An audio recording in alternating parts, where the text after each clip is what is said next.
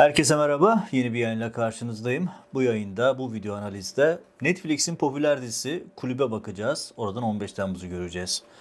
Arada ne tür bir ilişki var? Kulüp dizisiyle orada yaşananlarla 15 Temmuz'da yaşanan arasında ne tür bir paralellik var? Arada neden sonuç ilişkiler açısından ne tür benzerlikler var? Bu video analizde size onları anlatacağım. Aslında bir bakıma Türkiye'deki derin devlet geleneğinin aradan geçen onca zamana rağmen çok bildik yöntemlerle kendi halkına nasıl kumpas kurmaya devam ettiğini size tarihsel örnekleriyle ve son dönem yaşadıklarımızla özetle anlatacağım.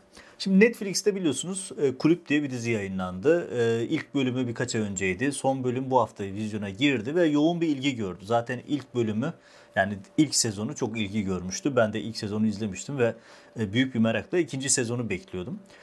Çünkü gazeteci olarak aşina olduğum bir konu. Ee, Türkiye'de çalıştığım yıllarda 6-7 Eylül olaylarıyla ilgili çok röportaj yapmıştım. O olaya dair özellikle Ergenekon süreçlerine çalışırken Türkiye'de derin devletin e, yaptığı bir takım kontra gerilla faaliyetlerinin Türkiye'de nelere yol açtığına dair uzun çalışmalarım var. Hatta birazdan bahsedeceğim. O dönemin en kritik ismi Orgeneral Sabri 25oğlu ki çok kritik bir isim. Neden kritik olduğunu da şimdi hatırlatacağım. Belki bazı izleyicilerimiz bilmeyebilir. Onunla hayattayken e, son röportajlarından birinde ben yapmıştım. E, ve bildiğim bir konuydu açıkçası. Diziyi çok başarılı buldum. Hani işin sinematör kısmını, senaryosunu, oyunculuğunu falan kastetmiyorum. Onlar zaten oldukça başarılı. Ha, daha iyi olabilir mi? 6-7 yıl olaylarını daha iyi anlatabilir ama sonuçta bu belgesel değil. Bu bir dizi. Ve e, popüler konularla, e, popüler e, yöntemlerle tarihsel bir olayı bence çok başarılı ekrana taşımış. Herkesin kalbine dokunan, herkesin ruhuna dokunan yerleri var. E, mesela birçok kişinin varlığını bile unuttuğu e, diller ekrana taşındı. Bir realite gözümüzün önüne getirildi. Özellikle birçok kesim, yeni jenerasyon aslında 6-7 Eylül 1955'te neler olduğunu, İstanbul'daki Rumların, Ermenilerin, Yahudilerin nasıl saldırıya uğrayıp bütün servetlerini yağmalandığını, o servetin nasıl el değiştirdiğini birçok kişi bilmiyor. Bu açıdan son derece başarılı bir dizi. Tabii bazı eleştirilerde okudum işte onlar e, dizide şu olmalıydı, bu da olmalıydı. Evet olabilir. Bu, bu tip dizilerde bunlar mümkün. Ama e, bu bir belgesel değil ve her şeyi tek defada anlatma iddiasında olan bir çalışma değil. Ve dizi e, dediğim gibi insanların ruhuna dokunan bir şey ve birçok kişi sosyal medyada işte yaşanan dramların ne kadar büyük olduğunu söyledi. Aslında ben bu videoyu yapma nedenim şu e, nedenlerimden birisi daha doğrusu. Aslında o dramlar hala devam ediyor. Çünkü 6-7 Eylül'le yüzleşilmedi. 12 Eylül'le yüzleşilmediği gibi, Maraş'la yüzleşilmediği gibi başka sayısız örnek var. Ve hani çok meşhur bir laftır ya hesabı sorulmayan suçlar tekrar eder diye. İşte 6-7 Eylül'de hesabı sorulmadığı için daha sonra bunun başkaları değişik versiyonlarda yaşandı. Şimdi buradan 15 Temmuz'a bağına nereden girdiğimi söyleyeyim. Şimdi 6-7 Eylül 1955'te ne oldu?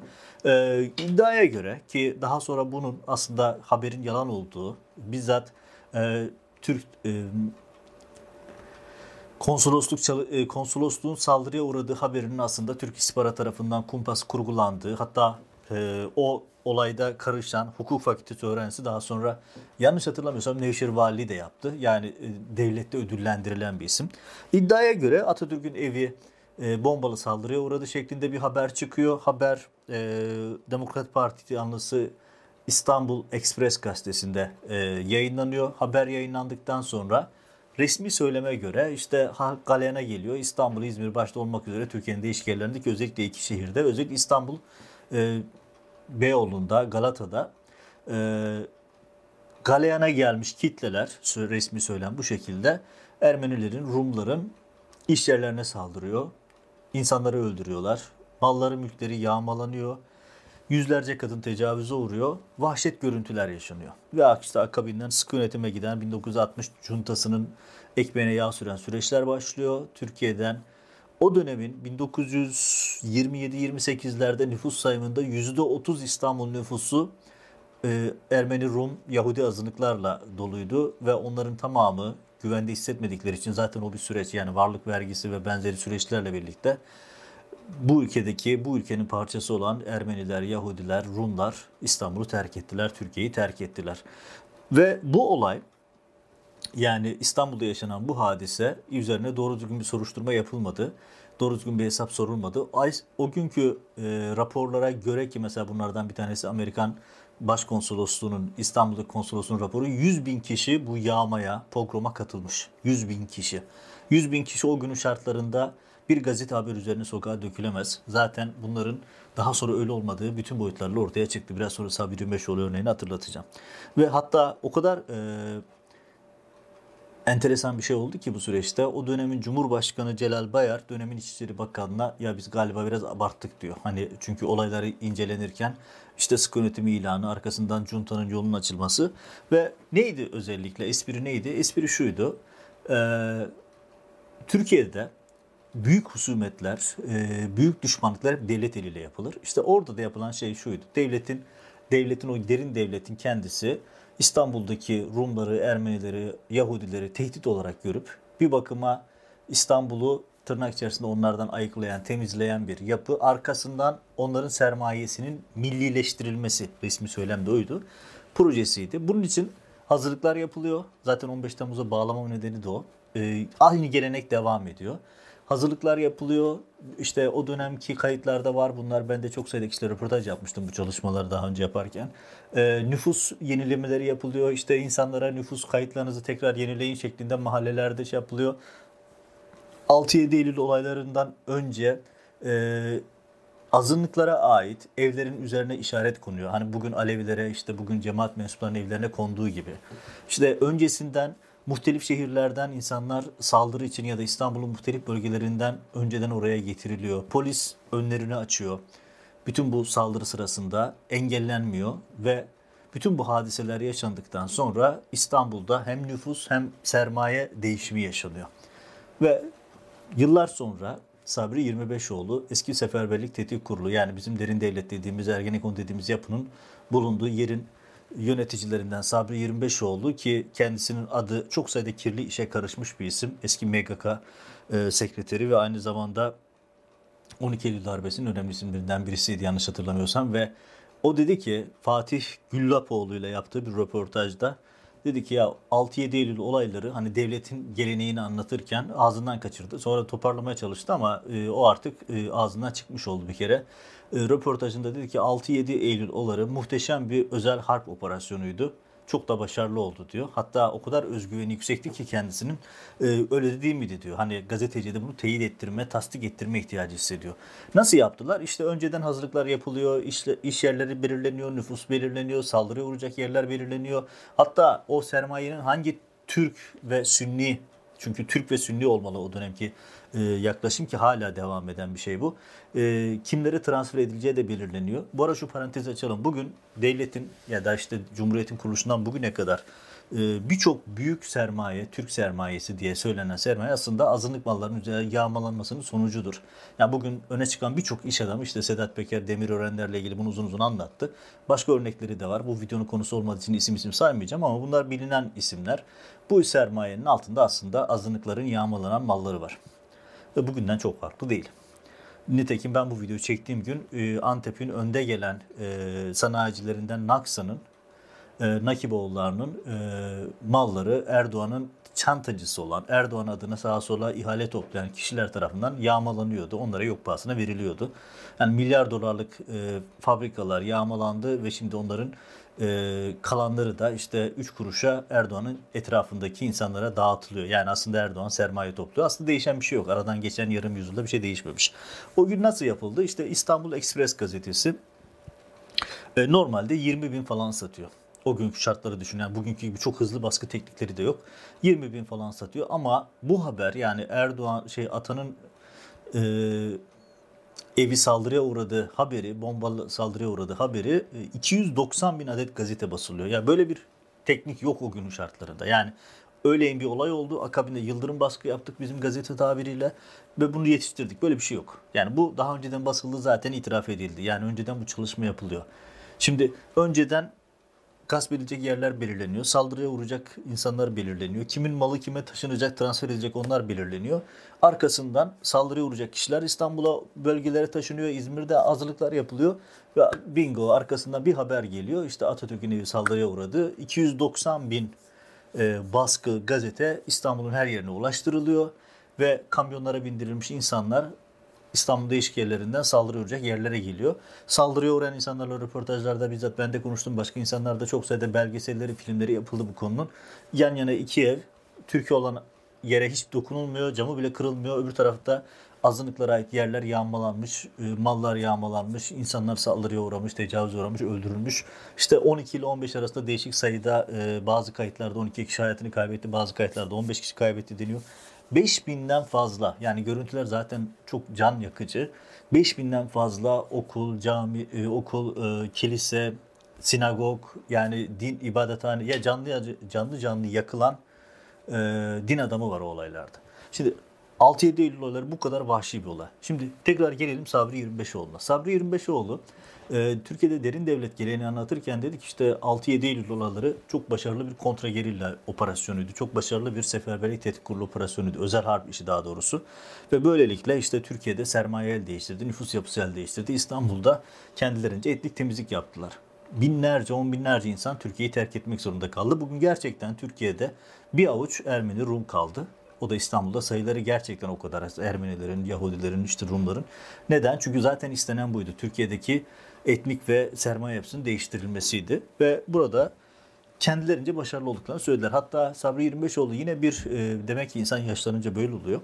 E, bir süre sonra bu e, ifadesi e, yine bir röportaj esnasında ağzından bir şey daha kaçırdı. O da dedi ki biz Kıbrıs'ta halkın e, mukavemetini yükseltmek için, e, direnişini arttırmak için cami yaktık dedi. Tabi gazeteci şaşırınca toparladı yani nasıl yani falan gibi. İşte mesela gibi dedi ama işte Kıbrıs'ta cami yakıldı. Yani hani düşünün kendi, yani bir, neden cami yakarsınız? Yani düşünün özel harptekiler kendi camimizi yakıyor. Kendi camisini yakan işte biz balyoz e, hareket planında gördük. Camilerin bombalanması gibi şeyler. Hani olur mu? E, oluyor işte yaptı, yapanlar zaten itiraf ediyor bunu. İşte 6-7 Eylül olayları. Arka, yani Maraş olayları. Şimdi bunun o kadar çok örneği var ki yani Kıbrıs'ta yaşanan hadiseler, başka örnekler. Mesela bir dönem MHP lideri Bahçeli'nin danışmanını da yapan Altay Tokat Paşa vardı general. O dedi ki biz Güneydoğu'da bölgeye gelen hakim savcıları e, sağa sola bomba atıp onları korkutuyorduk. Hizaya getirmek için diyordu. E, kendi askerin yapıyor bunu. 2000'li yıllarda Hizbullah'tan çıkan cephanelik jandarma envanterinden çıkan silahlarla doluydu. Bunun gibi sayısız örnek var. Mesela Malatya Zirve Cinayeti, Türkiye'deki o nefret cinayetlerinden bir tanesi. Çok vahşi bir cinayet. Onunla ilgili kitap yazdım ben. Cinayetin azmettiricisi olan e, Bülent Varol Aral isimli birisi var mesela. Bu isim cinayet esnasında cinayeti azmettiren kişi, liseli çocuklara misyonerlerin boğazını kestiren kişi. O kişinin kaydı MIT'te, MIT elemanı, belgesi de var bunun. Ve işin ilginç tarafı adamı suç kaydı 1995'lerde DHKPC adına eylem yaparken 2000'lerin ortasına geldiğimizde bu adam Hizbullah adına, İbdaciye adına eylem yapıyor. Örnekleri çok. İşte başka örnekler de verebiliriz. Mesela çok meşhur bir örnek hatırlatayım örnekleri bitirirken. Şöyle düşünün 2014 yerel seçimlerini hatırlayın. 2014 yerel seçimleri öncesinde 24 Mart 2014 günü internette bir ses kaydı düştü. Şok edici bir ses kaydıydı. İşte Dışişleri Bakanlığı'nda yapılan Suriye konulu bir toplantının ses kaydı çıktı. Hala faali meçhul kimin yaptığı ama içerik çok vahimdi mesela sembol olan bir şey. Orada işte Ahmet Davutoğlu'nun, Yaşar Güler'in, Hakan Fidan'ın e, konuştuğu, tartıştığı bir e, şey var. Erdoğan Suriye'ye girmek istiyor. Onun nasıl olabileceği tartışılıyor. Orada Hakan Fidan'ın çok meşhur bir lafı var hatırlarsınız. Yani karşıya 3 adam gönderir, bu tarafa 5 füze attırırım, savaş gerekçesi yaparım diyordu. Karşıya 3 adam gönderip bu tarafa 5 füze attırıp savaş gerekçesi yapma bu Türkiye'deki derin devletin, Türkiye'deki e, kirli yapının en temel özelliklerinden birisidir. Bunu hayatın her aşamasında görürsünüz. Şimdi 5-6 şey 6-7 yıllarına gelelim. Ya düşünün. İstanbul'da bir e, yaşayan azınlıklara hedef yapıyorsunuz. Bunun için gazetelerde haberler çıkartıyorsunuz. Saldırı yapacak insanları yapıyorsunuz. Saldırılacak yerleri belirliyorsunuz. Gasp edilen malların kime satılacağına kadar hepsini belirliyorsunuz. Sonra pat bir tane haber çıkıyor. Haberde Atatürk'ün evi saldırıya uğradı diye bir haber geliyor. Haberin yalan olduğu daha sonra anlaşılıyor. Hatta o provokasyonu yapan kişi daha sonra vali yaptılar. Devletin parmağı olan hani Türkiye'de büyük husumetler devlet eliyle oluşturulur. İşte Celal Berda sonra bir gün diyor ki ya bu diyor evet biraz abarttık galiba bu işte diyor. Yanlış hatırlamıyorsam o dönemin İçişleri Bakanı'na söylemişti bu ifadeyi. Ve etnik arındırma e, projesi başarılı oluyor. Hatta o dönem CHP 9. büronun bir azınlık raporu var. Medyada yansımıştı. Eski konularda e, bakanlar görürler. İstanbul'daki Rumların sayıca çok olduğunu ve azaltılması gerektiğini söylüyor CHP'nin raporu. Yani Demokrat Parti ya da CHP fark etmiyor. O yapı, o kafa yapısı bu şekilde hedef alıyordu. Şimdi buradan 15 Temmuz'a nasıl bağladık? İşte o dönemde sosyal dramlar var, e, hayatını kaybeden insanlar, büyük trajediler vesaire, Selmaye'nin el değiştirmesi, Türkiye'nin etnik yapısının değişmesi vesaire. Şimdi 15 Temmuz'dan gelelim. 15 Temmuz'la ilgisi ne bu hadisenin? İşte bu Sabri 25oğlu'nun övünerek anlattığı o derin devlet yapısının birebir vers uygulamasını biz 15 Temmuz'da gördük. Yine tıpkı 15 Temmuz şey e, 6-7 Eylül 1955'deki gibi iktidar partisi sıkışmış, ekonomik sorunlar var, olaylar kontrolden çıkıyor vesaire bir sürü şey var ve bir çıkış arıyor iktidar partisi ve devlet bir takım dizaynlar yapacak. Çünkü devlet dediğimiz o kirli yapı o dönemin dev- derin devleti bugünün de derin devleti aynı şekilde devam ediyor. Kirli yapı bir dizayn yapacak. Kendine göre birini hedef belirliyor. Bir grubu, bu bir etnik grup olabilir, bir dini hareket olabilir, bir Kürt meselesinde olduğu gibi Kürtler olabilir. Gülen cemaatinde olduğu gibi bir e, dini hareket hedef haline getiriliyor. Önce şeytanlaştırılıyor, hedef yapılıyor, afiş ediliyor, şeytanlaştırılıyor. E, eylem planları belirleniyor. Arkasından da bir tane provokasyon geliyor. Arkasından işte bütün istediğiniz her şeyi yapıyorlar. Düşünün 15 Temmuz öncesi dönemi hatırlayalım. Şimdi 15 Temmuz'un öncesinde Erdoğan'ın yolsuzlukları ay, ayyuka çıkmış. Ekonomi zorda. Çok ciddi sorunları var Erdoğan'ın ve derin devletle anlaşmalar yapmış. Düşünün 17-25 Aralık'ta suçüstü yakalandıktan sonra gidiyor. Cezaevinden işte Sedat Pekerleri şeyleri çıkartıyor, e, darbecileri çıkartıyor. Hatta o kadar rahatlar ki bu insanlar. Sedat Peker birçok e, ortamda ya bizi cemaate karşı işbirliği için çıkardılar diye açık açık söylüyor. Bunu bir sürü şahidi var. Askerler biz içeriden cemaati bitirmek için çıktık diyor. Darbecilerle hırsızlar kol kola giriyorlar. Sadece cemaati bitirmekle değil işte bu KHK ile yani o dönemde de hani yine Türk, yine Sünni bir yapı, işte yine sermayenin el değiştirmesi örneğinde olduğu gibi neler yapılıyor? Bakın fişlemeler yapılıyor. Bütün kurumlarda ama. Bütün kurumlar yani sadece TSK değil. Yargısından emniyetine ya ilkokuldaki çocuklara kadar fişlemeler yapılıyor. Medya kurumları kapatılıyor. Daha 15 Temmuz'dan çok önce yapıldı bu. Daha 15 Temmuz'da askerler tutuklanmadan hakim savcılar tutuklandı. Neden? Çünkü planlanan e, eylem planının bir parçasıydı bu. Düşünün iktidar fişlemeleri hazırlamış, cezaevlerinin sayısı artırılmış. Ya düşünün e, Erdoğan'ın ka- kaldırmaktan övündüğü, kaldırmakla gurur duyduğunu anlattığı Emasya darbelere gerekçe yapıldığı söylenen Emasya Harbi'yi darbeden iki gün önce çıkarttı Erdoğan jet hızıyla.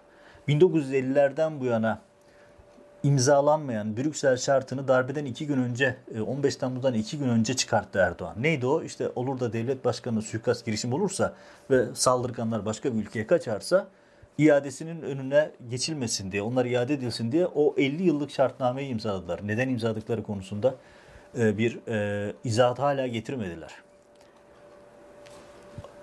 Fişleme yapılmış şirketler, el konulacak şirketler belirleniyor. Kimin evine saldırılacağı kadar belirleniyor. Düşünün yani 6-7 Eylül olaylarının bir başka prototipini görüyoruz. Hedeflerindeki isimleri değiştirin. Sistem aynı. Sistematik aynı işliyor. Maraş olaylarında aynı işliyor. Sivas olaylarında aynı işliyor. Nasıl 5-6 şey 6-7 Eylül olayları engellenmemişse, polis vurun kırın diye insanların önünü açmışsa, olaylar saatlerce sürmesine rağmen dokunulmamışsa 15 Temmuz'da aynı şekilde. 15 Temmuz'da 15 Temmuz'da yaşanacak olaylar işte Hakan Fidan'ın o meşhur sözü var ya karşıya 3 adam gönderir bu tarafa 5 füze attırırım savaş gerekçesi yaparım. Ya 15 Temmuz hadisesi darbeden başka her şeye benziyor. Düşünün iktidar o kadar hazır ki kum kamyonları iş makineleri kumlarla doldurulmuş kışlaların önüne çekilmek üzere hazır. Daha hiç kimse sokağa çıkmadan AKP teşkilatlarının tamamı hazır. Sedat Peker zaten anlattı. Bunun başka mahkemelerde delilleri ortaya çıktı. Silahlar dağıtılmış. Önceden Ankara'da, İstanbul'da dağıtılan silahlar söz konusu. Hala büyük bir kısmı kayıp. Binlerce silah ortada yok. Bu silahlarla cinayetler işleniyor. Kimlerin kapatılacağı, harp okullarının kapatılması bile planlanmış daha öncesinde. Bunu da bir denizci eski balyoz sanıklarından birisi itiraf etti. Harp okullarının kapatılmasını önceden planlamıştık. Yani düşün Türkiye'de bir eksen değişikliği planlıyorsunuz. Toplumun bir kesimini düşman yapacaksınız. Onları şeytanlaştırıp hepsini cezaevine tıkacaksınız. Binlerce kişi. Düşünün 1 milyon 570 bin kişiyle ilgili terör soruşturması yapılmış. Böyle bir terör örgütü olmaz. Ama böyle bir yapmışsınız. Mallarına el koymuşsunuz. Yağmalamışsınız. Sermaye el değiştirmiş. Nasıl ki Cumhuriyet'in ilk günlerinden bu yana sermaye millileştirme adı altında azınlıklardan gasp edilip iktidarın seçtiği ve bugünün de önde gelen zenginlerine dağıtılmış. Bugün aynı şey yine yapılıyor. Hedef yapılan Anadolu'nun sermayesi işte İpek grubundan, Boydak'tan ve diğerlerinden, Nakiboğullarından böyle bir yüzlerce isim yap ve bu isimler gasp edilip iktidar eliyle kendi yandaşlarına dağıtılıyor. Yine sermaye el değiştiriyor. Yine büyük dramlar yaşanıyor. O kulüp dizisinde izlediğiniz şeylerin kat be katı yaşanıyor. Bugün Türkiye'de yaklaşık 400 tane çocuk cezaevinde. Annesiyle babasıyla cezaevinde bulunan parçalanmış aileler, yüzlerce kişi işkence ve kötü muamele sebebiyle ya cezaevinde ya cezaevinden çıktıktan sonra ya da Türkiye'deki baskı ortamından kaçmaya çalışırken Ege'de Marmaris'te hayatını kaybediyor. Ege'de Akdeniz'de Meriç'te hayatını kaybediyor. Marmara 6-7 Eylül olayları olurken medyanın büyük bir kısmı işte yüz kızartıcı şeylere imza atıp o sürece destek verirken bugün de aynı şeyler olmaya devam ediyor. Bakmayın bugün kulüp dizisini izleyip ya vah ne kadar kötü şeyler olmuş diyen insanlar. Aynı şeyleri bugün Gülen cemaatine ve KHK'lara yapılırken de iktidarın yanında olmaya devam ediyor bu insanlar. Aynı isimler orada 3 maymun oynamaya devam ediyor. Oysa ki aslında 6-7 Eylül olaylarında yaşadığımız şey de derin devletin misyonu neyse 15 Temmuz'da da o. 6-7 Eylül olayları nasıl ki doğal değil, kurgulanmış bir e, pogromsa, kurgulanmış bir soykırım girişimi ise aslında 15 Temmuz'da aynı. 15 Temmuz bir cümleyle önlenirdi, olmazdı. 15 Temmuz'da zaten darbe falan yok ortada. Ortada darbe yaptığını söyleyen iktidar tarafından sokağa çıkarılmış, bizzat Hulusi Akar tarafından, Hakan Fidan tarafından sokağa çıkartılmış bir avuç askerin üzerine kurulmuş bir karşı darbedir 15 Temmuz. Darbeci, sözüm ona darbeciler ne kadar düzensiz, dağınık, ne yaptığını bilmez vaziyetteyken darbeden güya eniştenin haberiyle olan Erdoğan ya da işte güya televizyonlardan çağrı üzerine harekete geçen kitleler muhteşem örgütlenmiş. Düşünün Erdoğan'ın 15 Temmuz akşamı 4 ayrı havalimanında hazır uçağı bekliyor. Bu kadar hazırlar. Bütün parti teşkilatları hazır. Kum kamyonları doldurulmuş. Kumanyalar bile daha hazırlanmış. Silahlar dağıtılmış. Herkes gideceği yeri eliyle koymuş gibi biliyor. Çok, çok muhteşem bir planlama yapılmış. Akıncı üstünde kim olduğu belli olmayan pilotlar var. Gizli kapaklı uçurulan 11 tane ve hiçbir zaman e, balistik incelemesi yapılmamış 11 tane uçak var. İstanbul'da sniperlar var ve daha önceki videolarda anlattım. Selalar okunuyor.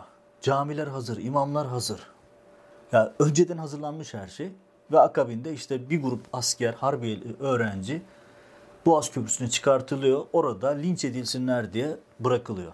Ve sözüm ona Boğaz Köprüsü'nün tek tarafı kapatılarak akşam saatlerinde darbeye kalkışılıyor.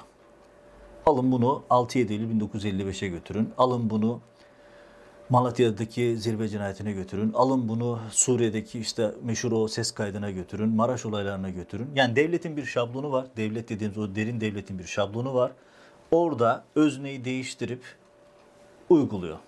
Bir gün hedef Kürtler oluyor, bir gün hedef dini bir cemaat oluyor, bir gün hedef azınlıklar oluyor ve o dini ya da işte Sünni, Türk Sünni söyleminin, o derin devletin belirlediği yapının hoşuna gitmeyen kim varsa o hedef yapılıyor ve yok ediliyor. İnanılmaz zulümler yaşanıyor ve toplumun ekserisi hiçbir şey olmamış gibi davranıyor. Bugün kulüp dizisini izleyen birçok insan e, duyar kasmak diye bir tabir var. Çok hoş değil ama çok yaygın olduğu için söyleyeyim. Böyle paylaşımlar yapıyor. E, iyi de kardeşim aynı şey bugün Türkiye'de yaşanmıyor mu? Gazeteciler cezaevinde, gazeteler, televizyonlar kapatılmış, eğitim kurumları kapatılmış, insanların sermayeleri gasp edilmiş, yüzlerce kişi hayatını kaybetmiş, işkenceyle kötü muameleleri kaybetmiş insanların haddi hesabı yok. Peki bunlar farklı şeyler mi? Aynı şeyler.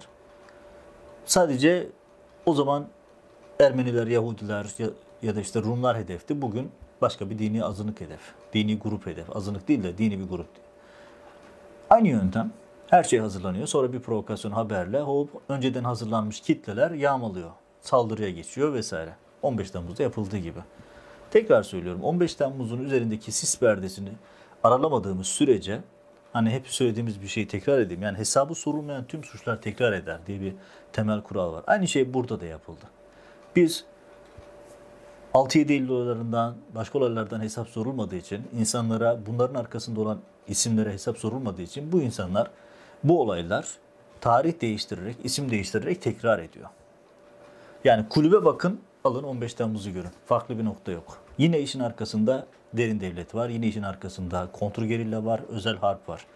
Ve mağdurlar değişiyor. Mağdurların belki etnik aidiyeti değişiyor, belki dini e, aidiyeti değişiyor ama sonuçta hepsinin arkasında aynı eli görebiliyorsunuz. Evet, son günlerin popüler dizisinden. Ha bu ara şunu da söyleyeyim. Ben eminim yani çok da gecikeceğini de düşünmüyorum. Bir gün bir yerde mutlaka şunu göreceğiz. Nasıl ki Sabri 25oğlu 6-7 Eylül olayları muhteşem bir özel harp operasyonuydu. Çok da başarılı oldu dedi. Halkın maneviyatını arttırmak için Kıbrıs'ta cami yaktık dedi. Şundan eminim. Yani bunu bir gün belki yarın, belki birkaç ay, belki birkaç yıl sonra mutlaka göreceğiz. İktidar cenahından ya da işte emekli olmuş bir asker ya da işte istihbarat camiasından birileri çıkıp şunu diyecekler. Evet yani 250 kişi öldü. Ee, biraz kan döküldü ama 15 Temmuz muhteşem bir özel harp operasyonuydu. Muhteşem bir istihbarat operasyonuydu. Çok da başarılı oldu diyecekler. Evet çok da başarılı oldu 15 Temmuz. 15 Temmuz aslında başarılı bir darbedir. Yarım kalmış falan değil. Darbeyi yapan iktidardı. Darbeyi yapan derin devletti ve kendi halkına karşı yaptı. Ve başarılı da oldu. Bugün Türkiye hem sosyolojik olarak hem etnik yapı olarak hem de ekonomik olarak çok büyük değişimler yaşıyor. Ve her şey 15 Temmuz'da planlandığı gibi ilerliyor. Evet, kulüp dizisinden hareketle biraz kulübe bakıp aslında 15 Temmuz'u görelim diye böyle bir kıyaslama yaptım. Benim kafamda hani ben bunu kulüp dizisini izleyerek bulmuş değilim ya da kulüp dizisini izleyerek böyle bir fikre edinmedim. Benim 2017'de TR724 YouTube sayfasında e, ve YouTube e, web sayfasında bu mihvalde bir yazım var. Yani Derin Devlet'e 15 Temmuz ve 15 Temmuz öncesi yaptığı hareketleri ki bu konuda iki tane kitap yazdım. Bakarak değerlendiriyorum ve 15 Temmuz aslında bu geleneğin, bu zincirin yeni bir halkası. Başka bir şey değil. Evet bir gün birisi bunu itiraf edecek, bir gün birisi bunu anlatacak ve biz de onu göreceğiz.